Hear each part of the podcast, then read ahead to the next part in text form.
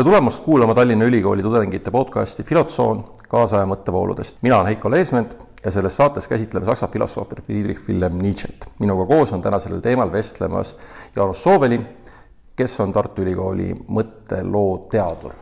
tere, Jaanus! tervist! äkki avad kuulajatele esmalt selle, et milline on sinu enda seos Nietzschega ja kuidas, kuidas sa selle teemaga täpselt siis seotud? et ma algselt, kui ma läksin ülikooli, siis ma kõigepealt läksin teoloogiat õppima ja, ja noh, Nietzsche suhe nagu religiooni on, on teadagi selline pingeline ja, ja, ja keeruline. aga miskipärast ma kirjutasin oma bakalauri, bakalaureusetöö Nietzsche'st ja selle juhendaja oli Marju Lepajõe omal ajal. et ta oli nagu ainus inimene usuteaduskonnas tollal, kes oli valmis juhendama tööd Nietzsche'st ja, ja sealt see kuidagi nagu see huvi nagu alguse saigi et mu mag-, magistritöö, mis oli juba filosoofia osakonnas, et, äh, et see oli Nietzsche'st ja Prantsuse kahekümnenda sajandi teise poole filosoofiast, ühesõnaga Nietzsche'st ja Derridast peamiselt ja, ja mingi. ja siis hiljem äh, noh, doktorantuuri ajal ma ka noh, tegelesin Nietzschega päris palju, et ma olen päris mitmeid artikleid tast kirjutanud noh, nii eesti keeles kui ka teistes keeltes et, äh, et jaa, et ma olen temaga ikkagi võrdlemisi pikalt juba, juba tegelenud.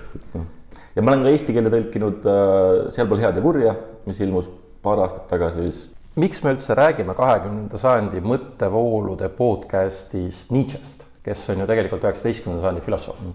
vot see on äh, väga huvitav küsimus, et Nietzsche suri aastal tuhat üheksasada ja tuhat üheksasada märgib teadagi uue sajandi algust, et äh, et, et tema noh, tema oma tööd, kõik oma tööd ta kirjutas tõepoolest üheksateistkümnendal sajandil ja mingis mõttes ta ongi nagu ikkagi üheksateistkümnenda sajandi filosoof, aga tema mõju kahekümnenda sajandi mõtlemisele on olnud täiesti erakordne.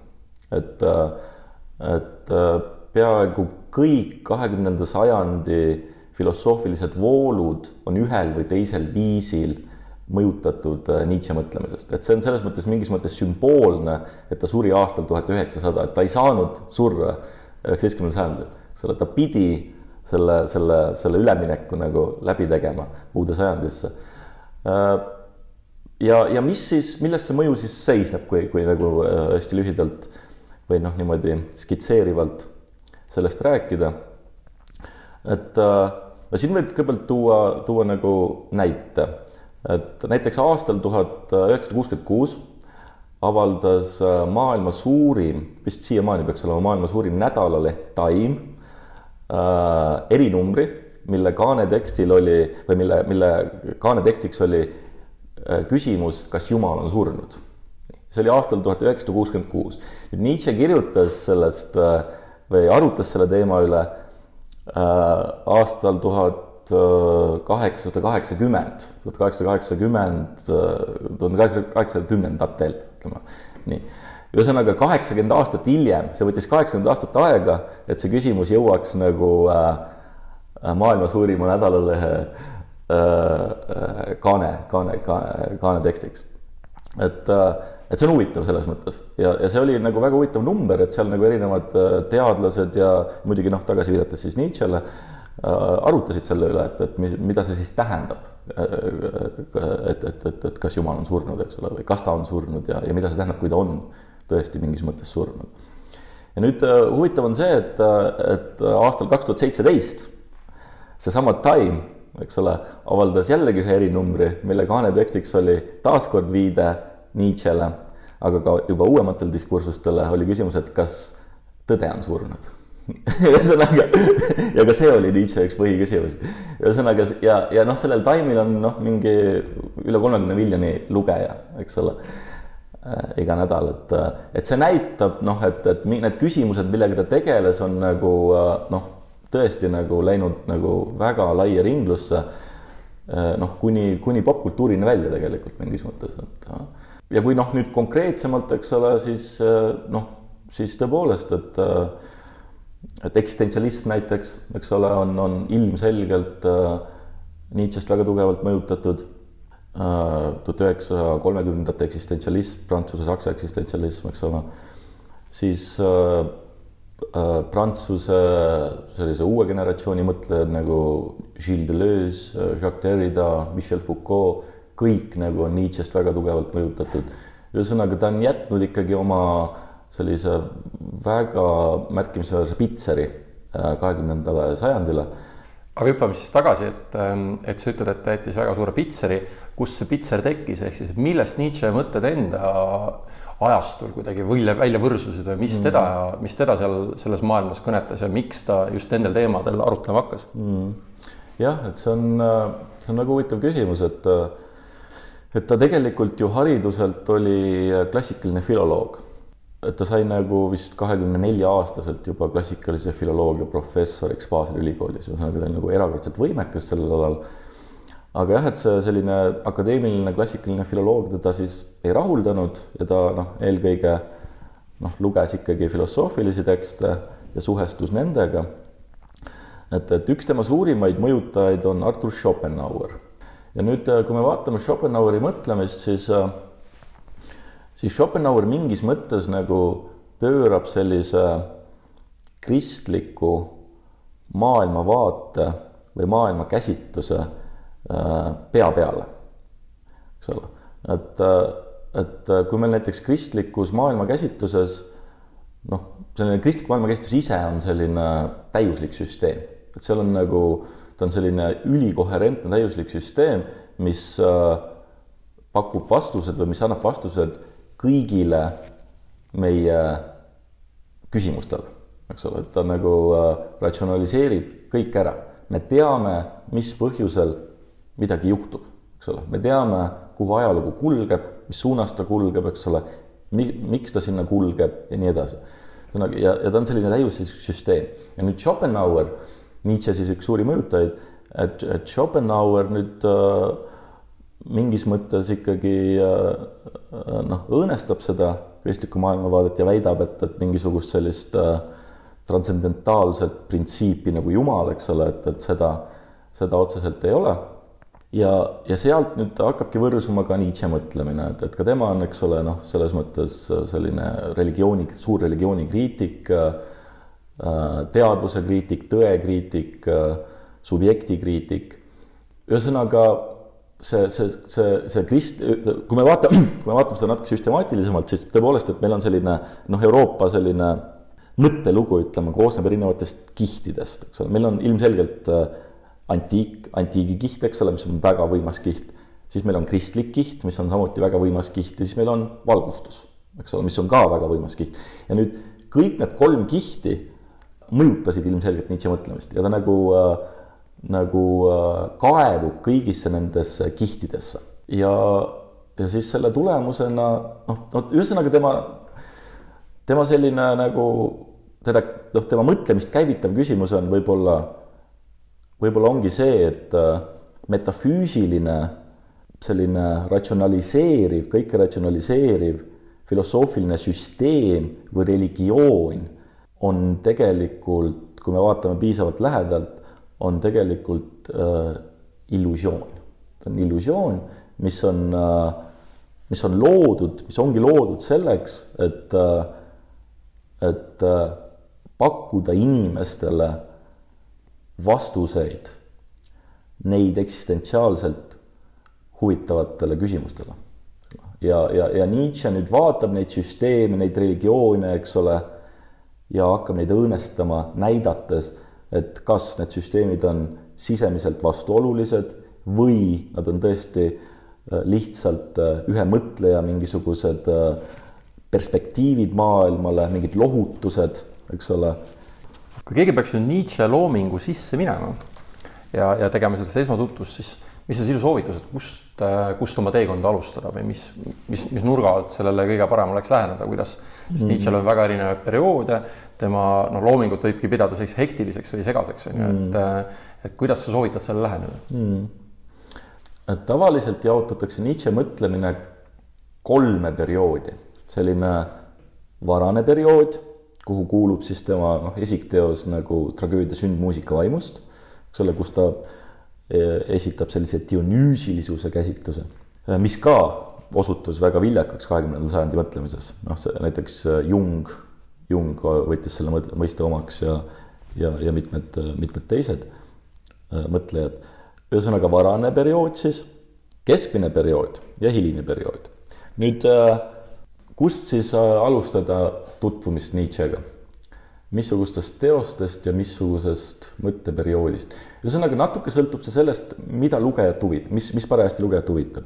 et kui lugejal on selline antiigi huvi et ta, ta, teda huvitab ühtlasi, ma ei tea, antiikfilosoofia, antiikkultuur, eks ole, tragöödiad ja nii edasi, siis ta ilmselt ikkagi võiks äh, võtta kätte tragöödia sünni, mis on, mis on Nietzsche esikteos. kui teda huvitab nagu Nietzsche mõtlemine nagu üldse tervikuna või kui ta tahab nagu saada sissevaadet Nietzsche mõtlemisse tervikuna, siis võib-olla kõige parem teos, kus alustada ja mis on võib-olla ka kõige süstemaatilisem teos tragöödia sünni kõrval on genealoo-, äh, moraali genealoogiast. et, et seal äh, ta esitab sellise võimsa kristluse kriitika, tõekriitika, teadvuse kriitika ja tõesti paljastades nagu ütleme, kristluse ja ka valgustuslike mõtlejate selliseid sisemisi motivatsioone ühesõnaga, kui võtta see, see, see, see, see vastus nüüd lühidalt kokku, et ilmselt kõige mõistlikum oleks alustada äh, moraali genealoogiast. ja selle eestikeelsele versioonile oled sina kirjutanud eessõna ja seal sa muuseas ütled, et äh, et Nietzsche on autor, kes märgib kohta, kus analüütilise ja kontinentaalse filosoofia eristus kinnistub ja tühistub. see on väga huvitav mõte, äkki räägid lähemalt, et mida sa selle all, selle all mõtled?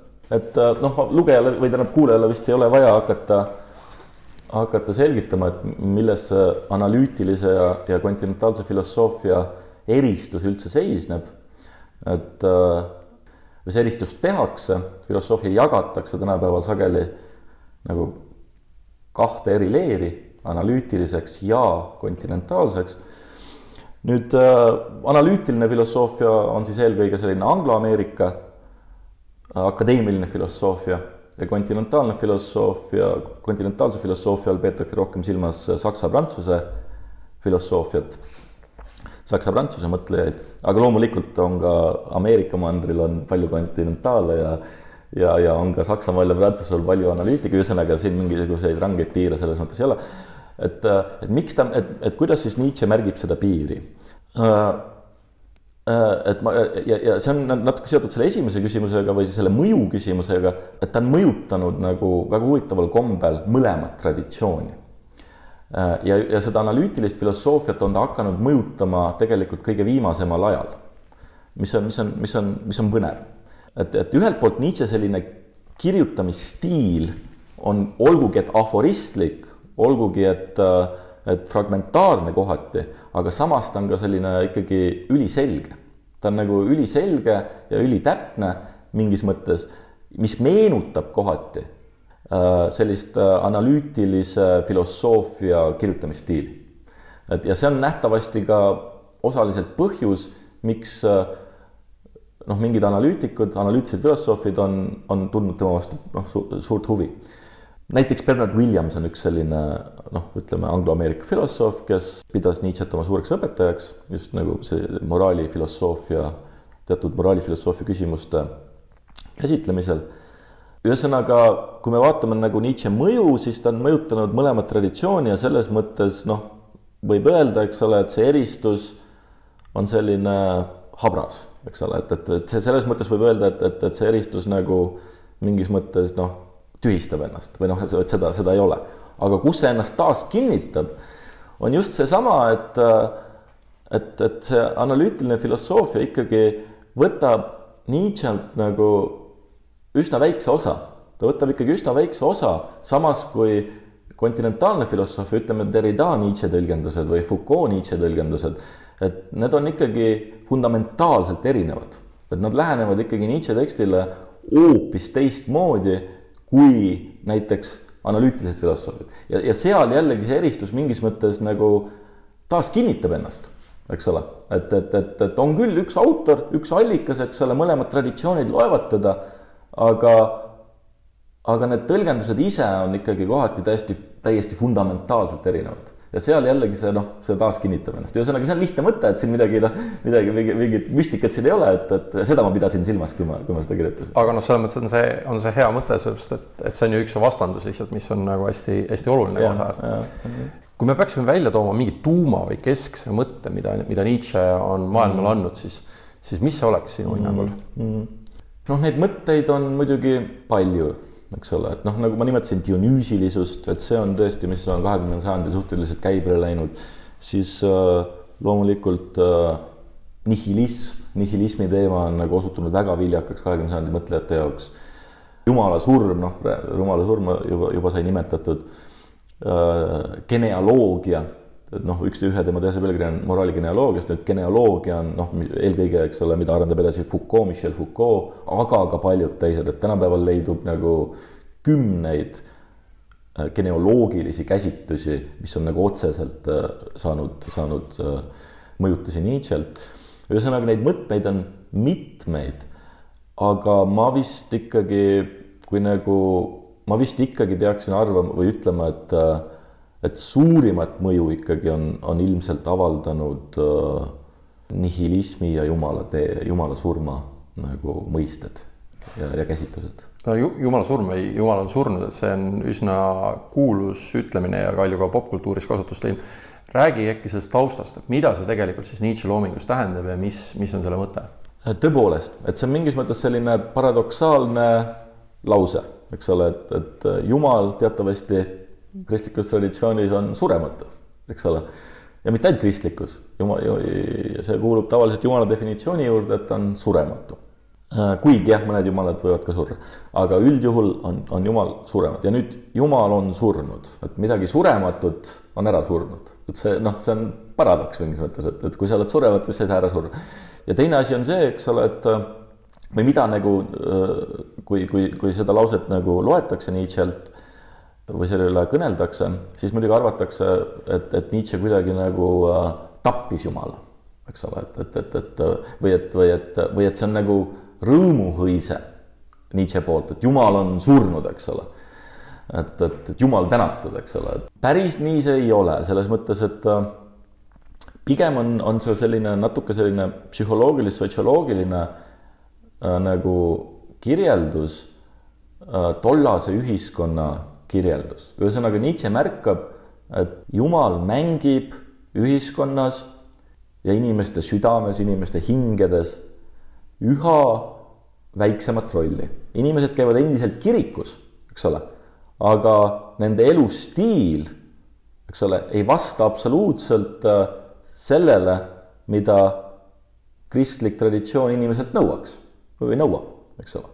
ühesõnaga, ta nägi seda, seda kuristikku kasvamas, et ühelt poolt selline formaalne kirikust käimine, selline formaalne traditsiooni, kristliku traditsiooni järgimine, eks ole aga teiselt poolt nagu nende see elu ise, kuidas nad elasid, eks ole, noh, käis sellele nagu täiesti vastu, eks ole. ja Nietzsche näeb seda kuristikku seal ja, ja, ja märgib, et, et tegelikult äh, inimeste elude jaoks ja inimeste südames on Jumal surnud.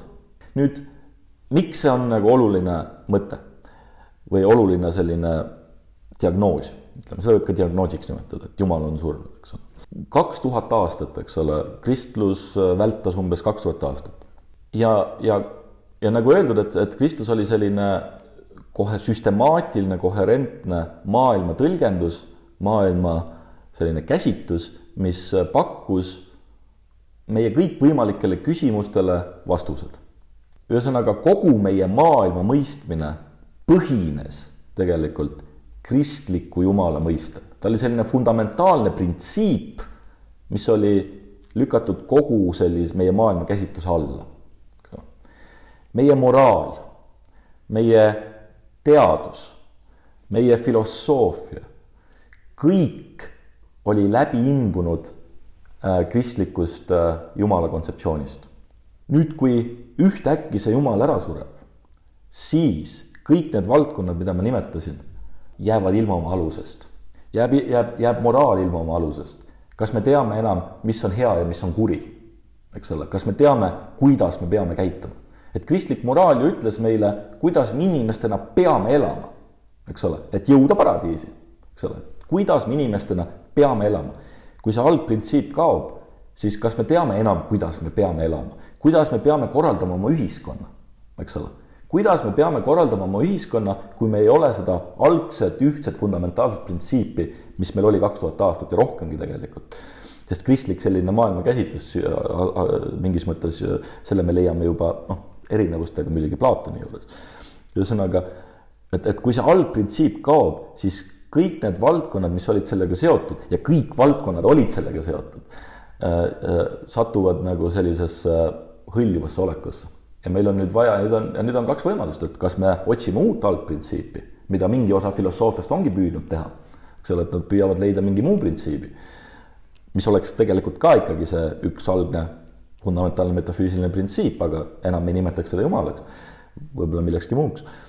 või me kuidagi nagu võtame selle hõljuvuse, selle pluralismi selle, selle ambivalentsuse, eks ole, noh, mida me võime nimetada ka postmodernistlikuks maailmavaateks. me võtame selle omaks, eks ole, ja püüame sellega kuidagi toime tulla, et, et need on nagu need kaks sellist noh, võimalikku vii-, neid võib ka rohkem olla, aga, aga kaks sellist võimalikku põhiviisi, kuidas nagu reageerida sellele jumala surma nagu noh, mõttele või teemale jumala surma kõrval on ju, on teine oluline, on teine väga oluline väljendus või mõte Nietzsche'l võimutahe. et mis on ka väga palju siin tulenevalt siis ka ma saan aru lingist on ju natsionaalsotsialistidega Saksamaal ja nii edasi, et noh, et ühesõnaga on selline vääriti mõistetav kontseptsioon ka. räägiks äkki sellest, et mida, mida see võimutahe tähendab Nietzsche kontekstis? ei, see on väga-väga-väga oluline küsimus, et et näiteks Martin Heidegger, üks kahekümne sajandi vägevamaid filosoofe, tema kirjutas kaks paksu köidet äh, Nietzsche filosoofiast ja ta pani nende köidete pealkirjaks võimutahe. ühesõnaga tema, Martin Heideggeri käsitluses siis, tõlgenduses äh, on Nietzsche filosoofia fundamentaalseks printsiibiks võimutahe. ja see, ja kui see nii on, eks ole, või kui see nii oleks, siis, äh, siis me võiks siiski öelda, et et olgugi, et Nietzsche loobub oma mõtlemises, ütleme, jumala mõiste, jumalast, eks ole, ta siiski säilitab mingi algprintsiibi, eks ole, mingi, mingi, mingi algprintsiibi, millele saab noh, kõik tagasi viia ikkagi. ja siis see teeks Nietzsche'st nagu taaskord metafüüsiku. et, et, et, et, et see tähendaks seda, et, et tema selline suhe, kriitiline suhe traditsiooni äh, ei ole ikkagi nagu äh, noh, täiesti selline lahtimurdev, et ta ei murra sellest traditsioonist täielikult lahti, eks ole, vaid ta jääb ikkagi mingit pidi selle traditsiooni osaks. Heideggeri tõlgendus osalt äh, sai võimalikuks tänu Nietzsche õele, Elizabeth Förster Nietzschele, kes oli äh, natsionaalsotsialist ja, ja selles mõttes väga, väga pühendunud natsionaalsotsialist ja meil on isegi pilt Nietzsche õest ja Hitlerist, kus nad on koos Nietzsche arhiivis. Nietzsche oli tol ajal juba surnud, eks ole. Äh, Nietzsche õde ja Hitler on pildil, eks ole, Nietzsche arhiivis. Äh, ühesõnaga, mida Nietzsche õde siis tegi? et Nietzsche'st jäid järele mitmed sellised äh, märkmed, mida ta kunagi nagu raamatuks ei, ei, ei, ei, ei, ei, ei, ei jõudnud kirjutada. ja nüüd nende märkmete põhjal annab Elizabeth Förster Nietzsche, Nietzsche õde välja nii-öelda Nietzsche peateose mille pealkiri on Võimutahe. sel- ja selles väljaandes leidub ka võltsinguid, ühesõnaga Nietzsche õde äh, pani toime teatud võltsingud, eks ole, selle, selle, selle, selles väljaandes. Nietzsche ise, noh, kui korra puudutada seda natsionaalsotsialismi mõtet, Nietzsche ise oli, äh, oli suur natsionaalsotsialismi vastane, kriitik, ta oli anti-antisemiit. näiteks äh, võib tuua näiteks tema järele, järelejäänud märkmetes leidub selline lause, et äh, ta kirjutas selle siis, kui ta kaotas, eks ole, aastal tuhat kaheksasada kaheksakümmend üheksa kaotas ta mingis mõttes nagu mõistuse ja ta kümme aastat tegelikult nagu lihtsalt vegeteeris.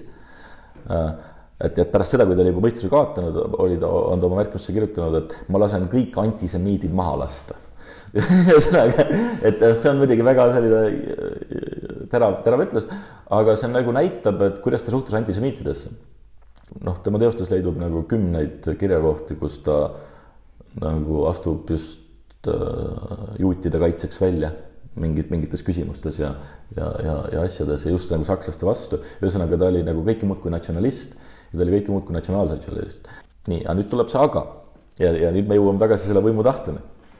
et tõepoolest, et tema mõtlemises leidub, leidub mõtteid, mõisteid, kontseptsioone, mis äh, võisid ja ilmselt inspireerisidki, mis inspireerisidki natsionaalsotsialismi ja üks neid mõisteid on võimutahe. mida Nietzsche selle all silmas peab? kuigi jah, nagu öeldud, et, et, et tema avaldatud teostes, teostes, mida ta ise avaldas, seal see võimutahte mõiste on nagu hoopis tagaplaanil, eks ole, et alles see õde, tema õde kuidagi tõstis selle nagu esiplaanile ja Heidegger korjas ta sealt üles ja nii ta läks, eks ole. aga siiski, siiski Nietzsche'l on see mõiste endal ka, ta ei ole lihtsalt nii esiplaanil. nüüd, mida see tähendab?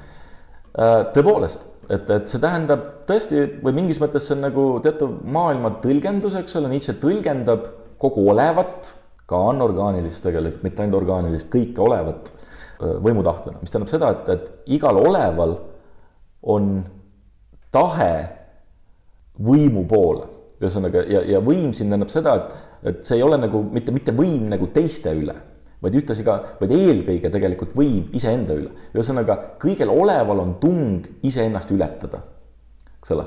et, et, et kõik, kõigel, mis on, on tung, on tahe iseennast ületada, ületada oma, oma praegune äh, situatsioon, olukord, mina, eks ole, ja jõuda mingisse noh, paremasse, kõrgemasse punkti. ja, ja see võimutahe teiste või see, see võim teiste üle on tegelikult teisejärguline. et see on eelkõige nagu Nietzsche järgi, et see on eelkõige nagu inimese sisene noh, kui me räägime inimsubjektist, siis ta on nagu inimese sisene selline tahe ületada iseennast, eks ole, selline, selline pidev selline võitlus äh, eelkõige nagu iseendaga aga loomulikult, kui me nagu äh, kanname selle, vaatame nagu võimutahet toimivas ühiskonnas, siis tõepoolest seal väljendub see sageli selles, et üks inimsubjekt tahab saavutada võimu teise inimsubjekti üle või üks riik tahab saavutada võimu teise riigi üle, eks ole. või et kui me vaatame loodusmaailma, siis üks loo- või noh, noh, kui me võtame, ma ei tea, mingisuguse äh, ühe liigi, eks ole, siis üks liigikaaslane eks ole, tahab saavutada võimu teise liigi kaaslase üle. ja noh, sellised võimuvõitlused, me noh, me teame, et need on loomariigis nagu äh, niivõrd dominantsed, nad on, nad on inimeste hulgas. Nietzsche nagu siis ise ütleb seal äh, teoses Sealpool head ja kurjad või, või esitab hüpoteesi, et ma esitan hüpoteesi, et võib-olla on, on mõistlik kirjeldada kogu olemist äh võimu tahte väljendusena. et, et, et kõik me tahame saavutada võimu iseenda üle olukordade üle, teiste üle, ühesõnaga selline. me juba otsapidi puudutasime mõtet, mis on sellega lingitud, et übermensch ja üliinimene, et mis, mis on ka hästi tuntud kontseptsioon, et mitte, et, et räägi võib-olla sellest ka et mida see üliinimene siis, kes ta on ja mida ta teeb. jah, et äh, noh, see üliinimene või, või, või noh, seda võib ka tõlkida üleinimene. et, äh, et see über, saksa über, et see on nii noh, seda täpsem tõlge tegelikult oleks nagu üleinimene. miks, sest noh üliinimene tähendab, et sa oled kuidagi nagu üliinimlik, ülimalt inimene, sa oled nagu ülimalt inimene. aga Nietzsche tahab öelda, et sa oled natuke enamat kui inimene, eks ole, et selles mõttes üleinimene, et sa oled nagu inimesest üle, eks ole. aga tõepoolest, seda on tõlgitud nagu üliinimeseks enamasti. et ma ise vist olen tõlkinud selle ka isegi ikkagi üliinimeseks, ma arvan, aga, aga, aga siiski ma nagu, nagu tegelikult ma ei mäletagi, aga aga üleinimene mingis mõttes on täpsem, aga üliinimene on kuidagi eesti keele pärasem, ütleme niimoodi. nüüd, mis ta on? et, et noh, see, see mõte on muidugi läinud ka popkultuuri, eks ole, et, et uh, Superman. et, et, et uh, inglise keelde tõlgitigi see Übermensch, Nietzsche Übermensch, üliinimene, tõlgitigi Supermaniks, eks ole. ja, ja, ja sealt, eks ole, noh, ilmselt ta siis noh, ta mõjutas neid, seda koomiksisarja, eks ole, ja nii edasi, et, et see on läinud ka, läinud ka popkultuuri. ja noh, tänapäeval me võime rääkida, eks ole, transhumanismist, posthumanismist, mis on noh, kõik mingit pidi selle, sellega seotud. See on, see on ka seotud sellesama eneseületamise teemaga, aga noh, ja, ja selles mõttes või selles kontekstis, et äh, Nietzsche vaatab seda noh, oma seda oma aja ühiskonda ja talle, ja talle tundub või noh, mis teda häirib selle juures on see, et, et noh, elutingimused paranevad, eks ole, üheksateistkümnes lõpus elutingimused juba paranevad, eks ole, ja mis teda häirib, on see, et, et inimesed muutuvad üha nagu mugavamaks, eks ole, mugavnevad äh,, naudivad oma selliseid äh, väikseid, väikseid äh, noh, elurõõme, on rahul, eks ole, ma ei tea, oma noh, on, on oma, oma sellise elu, elu oma, oma sellise Nietzsche sõnul siis väikse eluga rahul ja ei taha nagu midagi enamat, eks ole, ei taha enam nagu kuhugi püüelda, ei taha enam nagu, et, et nad kuidagi nagu noh, et nad nagu piirduvad oma selle väikse nii-öelda argiõnnega, noh, nii Nietzsche järgi, noh, üldse ei. ja nüüd üleinimene, noh, lihtne viis seda, seda, seda mõista on see, et, et üleinimene tahab midagi enamat, eks ole, et ta ei, ta ei, ta ei piirdu sellise mugava perekonnaõnnega näiteks, vaid ta, vaid see on seesama see eneseületusprintsiip, eks ole, et ta tahab midagi enamat, tal on mingid, mingid kaugemad, mingid kaugemad sihid. aga see nüüd on muidugi hästi banaalne tõlgendus, et see, see, see on vale tõlgendus. filosoofiline tõlgendus on see, et see on mingis mõttes nagu äh, inimsubjekti kriitika peitub seal sees. Ühesõnaga inimsubjekti või inimest mõisteti noh, sellise suhteliselt autonoomse, äh, teadliku, eneseteadliku, äh, läbipaistva entiteedina, kes siis suudab nagu reflekteerida oma, oma, oma mõtteid, oma, oma, oma emotsioone.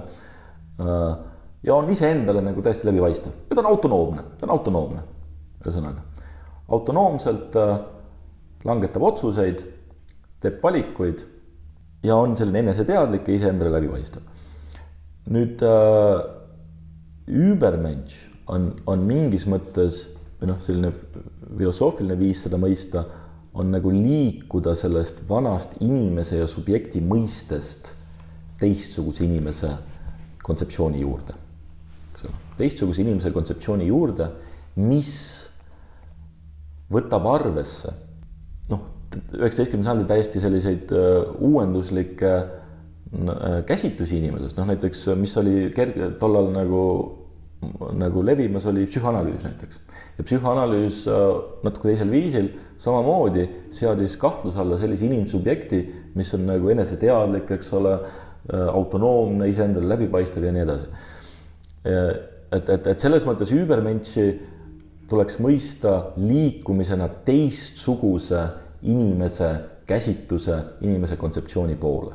kas Übermensch on nüüd see koht ka, kus see, äh, anarhismiteoreetik ja ka kuulus anarhismiteoreetik Max Stirner puutub nagu Nietzschega kokku vist on see on enam-vähem selles kohas jah? ja absoluutselt jah, absoluutselt, et Übermensch ja ka võimutahe, et ka seal, ka seal tegelikult äh, ja äh, Stirneril on see das Ego und das Eigentum, et mina ja ega and its own vist kuidas? et ainus ja tema omandus oli vist eesti keeles viimati. ja, ja, ja, ja, ja, ja, ja, ja, et aga, aga noh, selles mõttes ikkagi Nietzsche sellist äärmuslikku individualismi või sellist äärmuslikku nagu mina või ego kesksust siiski ei, ei esinda. ütleme niimoodi, et, et ta, et ta, et ta töödes nagu võib leiduda kohti, mis võivad jätta sellise mulje, aga kui me võtame ta nagu noh, tema, tema nagu mõtlemise ikkagi tervik või vaatame seda tervikuna, siis ta ei saa seda lähtuvalt mingitest noh, mingitest tema nagu käsitlust, ta ei saa seda noh, seda kuidagi nagu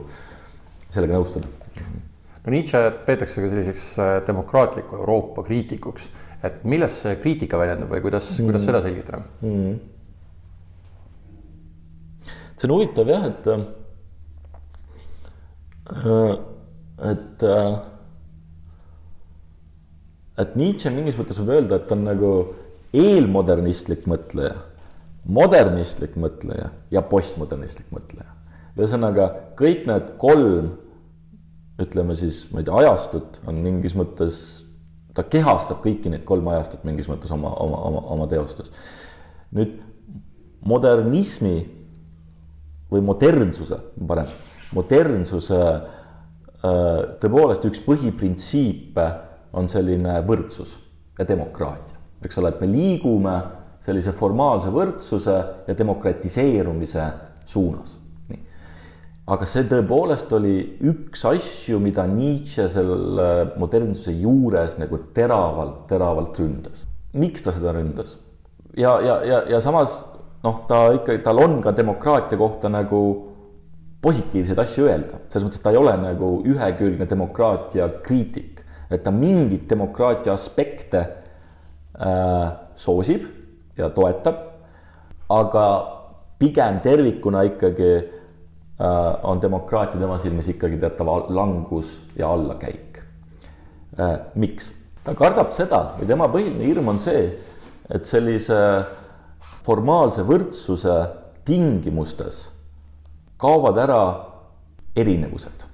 ta kardab, et, et selline formaalne võrdsus, eks ole, ei lase esile kerkida tõesti mingitel erakordsetel mõtlejatel, erakordsetel kunstnikel, eks ole, kes eristuvad kuidagi sellest, sellest noh, nagu Nietzsche mõnikord ütleb, massist, eks ole. et, et ta kardab, et, et, et sellise demokraatliku võrdsuse tingimustes võib juhtuda, et sellised teistsugused hääled, teistsugused hääled, teistsugused perspektiivid maailmale äh, surutakse maha.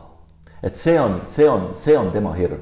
et, et tema, ta on nagu mingis mõttes nagu täiesti sellise erinev, ta, ta nagu, ta on, ta on absoluutselt erinevuste poolt, ta, ta, ta, ta nagu tahaks, et oleks võimalikult palju erinevusi ühiskonnas, et ühiskond oleks nii eripalgeline kui vähegi võimalik. Ja ta kardab, et, et, et sellises demokratiseerumise tingimustes need erinevused satuvad, satuvad ohtu.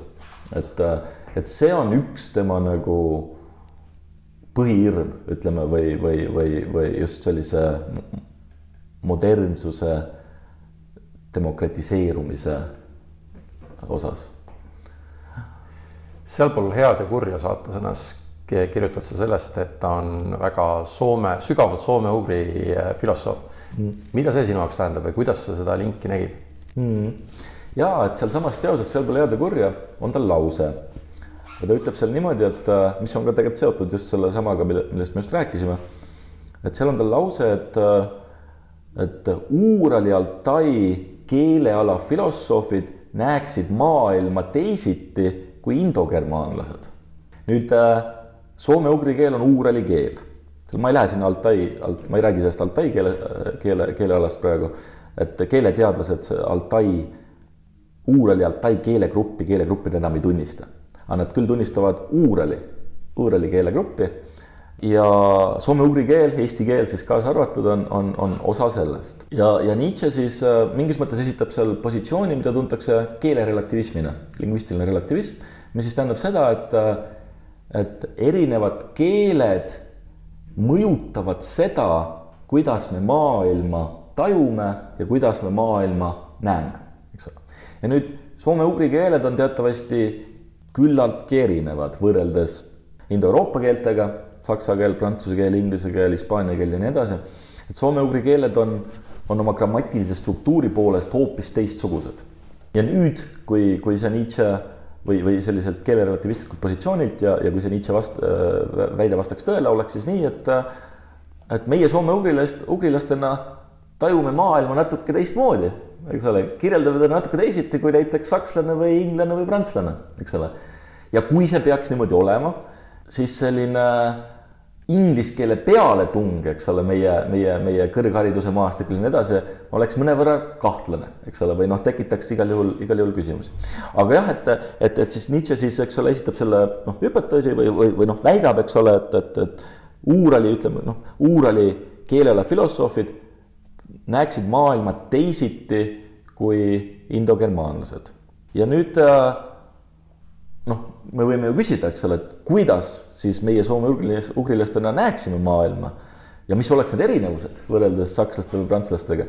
ja selle küsimusega on tegelikult ju tegelenud Uku Masing ja ta on tegelenud sellega nagu äh, väga põhjalikult, et tal on selline noh, pikk essee, kakssada viiskümmend lehekülge rohkemgi keelest ja meelest, et ta on ka varem seda küsimust puudutanud, aga mitte kunagi süstemaatiliselt et alati on jäänud mulje ka tema varasematest teostest, alati jäi mulje, et ah, et see on lihtsalt mingisugune suvaline hüpotees, eks ole. siin mingit sellist teaduslikku nagu sisu tegelikult ei ole, et noh, et aga, aga sellest keelest ja meelest, mis on noh, tõesti kakssada viiskümmend, kolmsada lehekülge pikk, et, et seal ta ikkagi nagu keeleteaduslikult läheneb sellele küsimusele ja väga detailselt. ja, ja ta nagu noh, või see on päris veenev, see on päris veenev, ta esitab seal päris veenvaid argumente ja ka konkreetseid juhte, konkreetseid nagu juhte, mis osas meie soome-ugrilastena tõlgendamegi maailma võib-olla teisiti kui oma keelest tingitult, kui indo, indo, indo, indogermaanlased. et võib öelda siis, et Nietzsche vabastab eestlased teatud mõttes sellisest äh, tahtest saada eurooplasteks, et või on täitsa okei okay püsida nagu oma kultuuriruumis absoluutselt või nii, me kindlasti leiaksime sellele mõttele Nietzsche't toetust, absoluutselt mm., absoluutselt. aga siit me jõuame järgmise mõtteni, millest, millest sa oled ka rääkinud ja, ja, ja mida sa oled äh, uurinud, et äh, see on Tammsaare Eesti, eestlaste lemmikkirjaniku ja, ja Nietzsche seosel, et äh, mm. kuidas, kuidas need kaks autorit lingitud siis on äh,? hiljaaegu, kas mõni aasta tagasi vist äh, korraldati Tallinnas äh, seminar, mis oli pühendatud just sellele seostele Nietzsche ja Tammsaare vahel. ja ka, kui ma ei eksi, siis äh, see kõneleja seal seminaril oli, peakõneleja vist oli Mirjam Hindrikus, kui ma ei eksi. et, äh, et ühesõnaga mingid inimesed sellega vaikselt tegelevad ka, ka näiteks Maria Krišakova, kes on siin Tartus meil maailmakirjanduse osakonnas vist, on kirjutanud artikli Nietzsche, Dostojevski, Tammsaare eks ole, et ta vaatab nende kolme nagu autori omavahelisi seoseid. ja ma ise olen ka natuke seda, natuke sellest kirjutanud äh, oma artiklis Nietzsche Eesti kultuur, kus ma korra nagu puudutan, puudutan seda küsimust. et äh, noh, kõigepealt Nietzsche nagu mõju Noor-Eestile oli, oli väga suur. nüüd Tammsaare muidugi ei olnud nagu lihtsalt või noh, ta ei olnud, ta oli, ta, tema suhe nagu Noor-Eesti liikumisse oli, oli selline distantne mingis mõttes, aga ta on kirjutanud näiteks artikli, mis vist avaldatud tuhat üheksasada üheksa, Friedrich Nietzsche linnulennult. tuhat üheksasada üheksa on ta kirjutanud sellise essee, see on rohkem kui artikkel, see on essee lausa. ja seal ta siis nagu, ja see on ikka päris vara, tuhat üheksasada üheksa et, et, et kui me mõtleme sellele, et Nietzsche suri aastal tuhat üheksasada ja kui me mõtleme sellele, et ta sai tegelikult nagu üle maailma kuulsaks alles postuumselt, eks ole, postuumselt või noh äh,, eelkõige postuumselt ja tõesti nagu noh, et, et oma eluajal ta oli suhteliselt ikkagi tundmatu, Nietzsche, ma mõtlen siis, äh, siis ikkagi tuhat üheksasada üheksa ikkagi äh, kui, kui me vaatame seda Tammsaare esseed, siis see on ikkagi põhi, suhteliselt põhjalik käsitlus ja selline küllaltki, küllaltki nagu süstemaatiline tõlgendus Nietzsche mõtlemisest. et, et see on mingis mõttes nagu imetlusväärne, et, et kui tuttav nagu Tammsaare tollaste mõttevooludega oli, eks ole. ma nagu ei oska ilmselt äh, niimoodi konkreetselt praegu tuua motiive Tammsaare romaanidest ja, ja kuidagi siduda neid Nietzsche mõtlemisega, et et nagu öeldud, et ilmselt see Mirjam Hindrikus ja küllap nad, nad on selle küsimusega tegelenud ja, ja neil on seda, seda infot palju rohkem, et. huvilised saavad seda ka edasi uurida ilmselt neid autoreid otsides. aga võib-olla siis küsime teistmoodi, et ähm, tee tööd äh, ja näe vaeva, siis tuleb ka armastus, et ähm, kuidas seda lauset siis Nietzsche tõlgenduses võiks lugeda mm? -hmm. sest et Nietzschegi on ju rääkinud töö tegemisest armastusest mm. -hmm. kui me vaatame seda lauset ise see on selline noh, huvitav lause, et tee tööd, näe vaeva, siis tuleb ka armastus. et see on natuke selline askeet, mingi askeetlik ideaal on seal peidus, eks ole, et, et sa, et, et seal on nagu ja mingi moraal isegi on seal peidus, et sa, et, et kohe armastust ei tule. sa ei saa nagu, et, et, et, et kui sa tahad, et, et sa kohe, kohe noh, midagi head ei saa, eks ole et ei ole armastust, et kõigepealt pead tegema tööd, salgama ennast, eks ole, tegema, nägema vaeva, maha suruma ennast, eks ole, pingutama, maha suruma, eks ole. ja siis lõpuks, eks ole, mingisuguse sellise selle töö ja vaeva nägemise tulemusena tuleb siis ka, tuleb siis lõpuks armastus. Äh, ühesõnaga, siin on mingisugune selline võib-olla mingi protestantlik moraal, eks ole, et pingutame ja, ja, ja, ja, ja, ja mingi, mingi selline as, as, askeetlus samamoodi, eks ole, surume ennast maha, eks ole, salgame ennast äh, ja siis, eks ole, et äh, et ma arvan, et seda as-, as-, askeetluse poolt, eks ole, ja seda enese nagu mahasurumise osa, et seda noh, mingis mõttes Nietzsche ilmselt ka noh, kritiseeriks, eks ole, et, et, et aga teiselt poolt on ikkagi see ju noh, seda saab otseselt siduda ka Nietzsche sellise eneseületuse mõttega. et, et selline eneseületus ongi ju tegelikult selline lakkamatu võitlus ja oma, oma endise mina seljatamine, ta mahasurumine, eks ole. Selleks, et jõuda mingisse uude seisundisse, mingisse uude staadiumisse.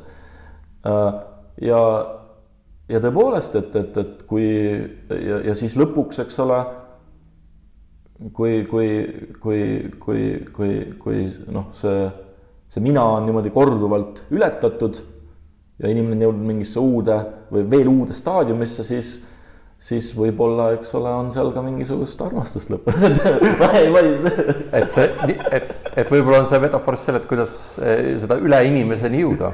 võib-olla, võib-olla, võib-olla võib-olla suured tänud meile Nietzsche mõtteid tutvustamast ja. aga palun. aitäh, et kuulasite Tallinna Ülikooli tudengite podcasti Filotsoon. kõigil huvilistel on võimalik lisakirjandusega tutvuda Filotsooni kodulehel või Facebooki lehel